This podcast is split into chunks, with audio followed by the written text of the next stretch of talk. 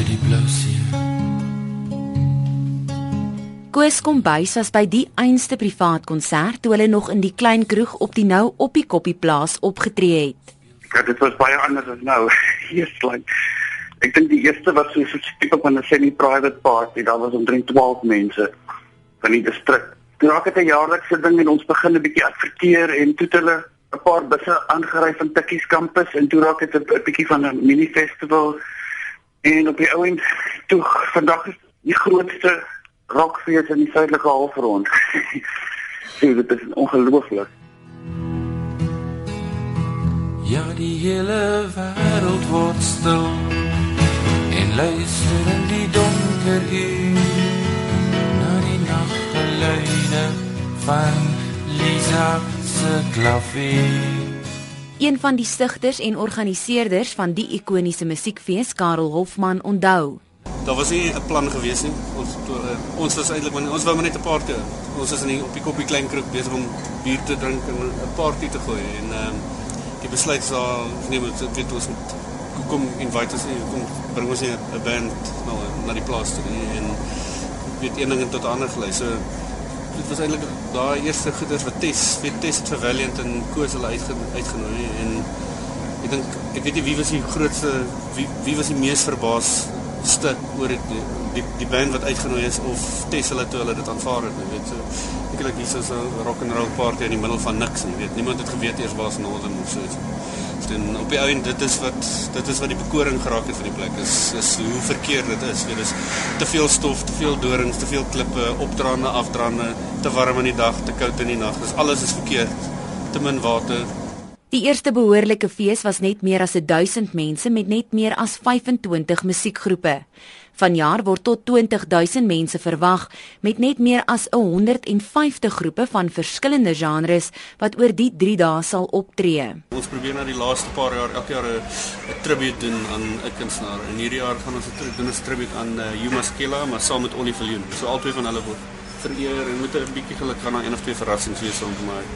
Dit is nice, weet die ding is hierdie land is ongenaakbaar teenoor kunstenaars. Dis 'n baie moeilike bestaan. So ek weet as iemand van ons weet is baie keer dink ek is 'n bietjie aansit aansitterig as ons begin 'n pryse uitdeel of maar ek dink as niemand anders gaan dit doen nie en daai is absolute helde vir ons gewees. So dis dis nice om dis nice om dit te kan erken. En by op die koppie was daar oor die jare iets vir elkeen.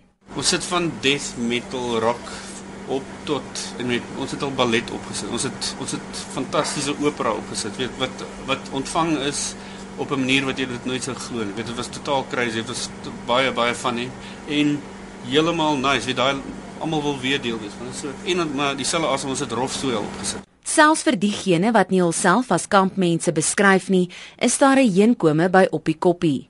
Die eienaar van die kamphotel, die Kreef Hotel, Chris Grobler, sê hulle word elke jaar oorval met besprekings. Op die koppie en um, rockfestivals soos daai is is haas, dis harde werk vir mense wat miskien bietjie ouer al geraak het en wat die girlfriends nou bietjie meer bietjie meer luxuries wil hê.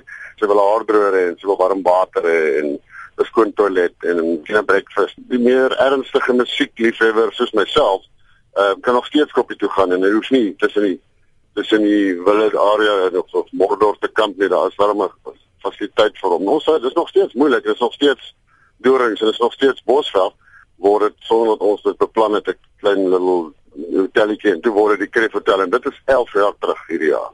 Die konsep is ook eie aan Suid-Afrika. Daar is mense wat sê wat al gevra het ons moet oorkom en dit daar kom doen.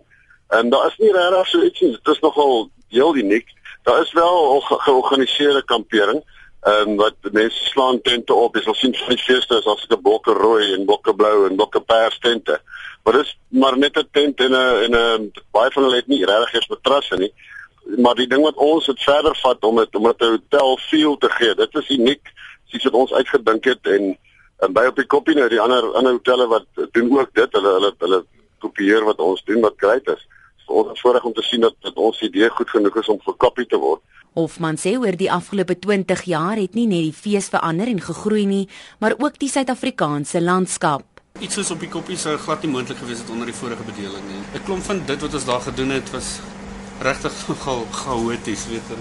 Daar's regtig crazy stories wat daar buite rondloop en omtrent alles wat jy hoor is waarskynlik waar van wat daar in die begin gebeur het. Dit was 'n konservatiewe omgewing, omgewing baie van daai tipe persoonlikhede wat in mag was, was direk na die regering dit uh, oorhandig is, is totaal magteloos geweest.